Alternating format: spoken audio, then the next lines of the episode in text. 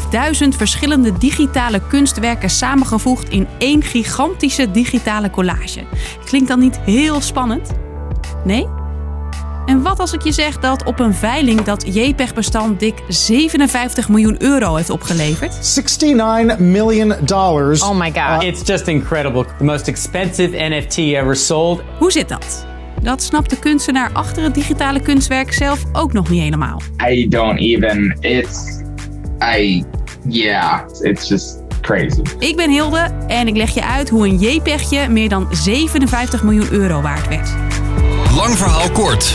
Een podcast van NOS op 3 en 3FM. Over welk plaatje heb ik het nou precies? Een JPEG-bestand dus, gemaakt door de Amerikaan Mike Winkelman, of zijn artiestennaam People. Niet de minste, hij werkte eerder al samen met grote namen: Justin Bieber, Apple, Pepsi, Sony. Het digitale kunstwerk dat nu voor zoveel geld is verkocht, is een bundeling van kunstwerken die jij sinds 2007 elke dag online zet. Everyday heet het kunstwerk niet voor niets. The work is a giant compilation of 5,000 different individual days. If you look at the piece, in the upper left hand corner is the very first everyday. Like it kind of goes across time like that. En nu is Everyday dus voor tientallen miljoenen geveld na een hectische verkoop door het beroemde veilinghuis Christie's. The money is crazy and awesome, and I'm gonna do as much good for the world with this money too. Eigenlijk is dat plaatje zelf niet het meest bijzondere in dit verhaal. Er is iets anders aan de hand. Dit is het allereerste kunstwerk dat alleen digitaal bestaat en voor zoveel is verkocht. Het leverde meer geld op dan schilderijen van bekende kunstenaars. En nu hoor ik je denken, zo'n digitaal kunstwerk is toch heel makkelijk te kopiëren? Rechtermuisknop, afbeelding opslaan als. En ook jij hebt het JPEGje nu op je computer staan. Hoe kan het dan dat het toch zoveel geld waard is?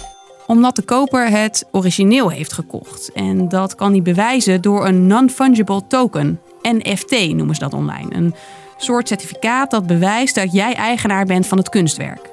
De eigenaar van een fysiek schilderij kan dat bewijzen op papier. De nieuwe, overigens onbekende eigenaar van Everyday kan het dus digitaal bewijzen.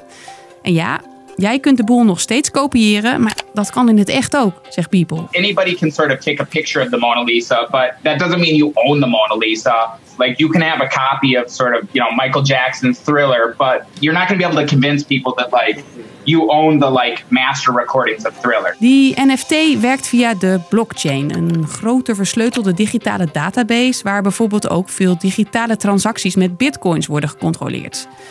Via die blockchain-methode is nu dus ook vastgelegd wie wat voor hoeveel gekocht heeft. Verkoopt de nieuwe eigenaar over een paar jaar het kunstwerk weer door aan iemand anders, dan wordt het aangepast in die NFT.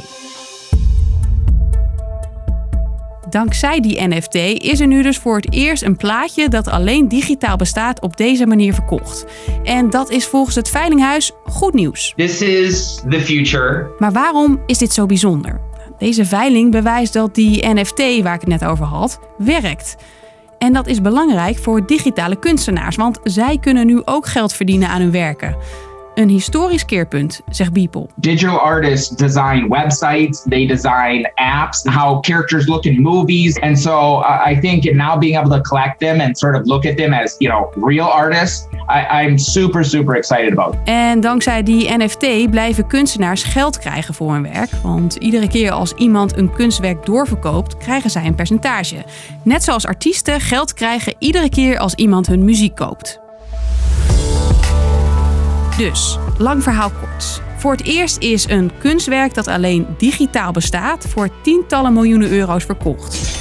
En ondanks dat jij dat JPEGje simpelweg kan kopiëren, durfde een anonieme koper er ruim 57 miljoen euro voor neer te leggen. Dat komt omdat hij met een non-fungible token, een soort digitaal certificaat, kan bewijzen dat hij eigenaar is van het digitale kunstwerk. Een historisch keerpunt, want digitale kunstenaars kunnen nu ook geld verdienen aan hun werken. Dat was hem weer. Vond je dit nou een leuke podcast? Vergeet dan vooral niet het abonneerknopje aan te klikken. Helemaal gratis. Tot de volgende. Vond je deze podcast interessant? In de 3FM-app vind je er nog veel meer. Zoals deze. Dit is een bericht in de zendtijd van fictieve politieke partijen. Partijgenoten, we gaan een staatsgreep plegen. Althans, laten we anders beginnen met een fictieve politieke partij in de vorm van een podcast. Partij 30 Min. Samen kijken we naar de onderwerpen die voor ons belangrijk zijn. Denk aan klimaat, de woningmarkt en de zorg. Wat is nou beleid dat werkt voor de kiezer onder de 30? Dat zoek ik, Olivier Bakker, iedere week tot aan de verkiezingen voor en met jou uit. Stem Partij 30 Min in de 3FM-app of jouw favoriete podcastplatform.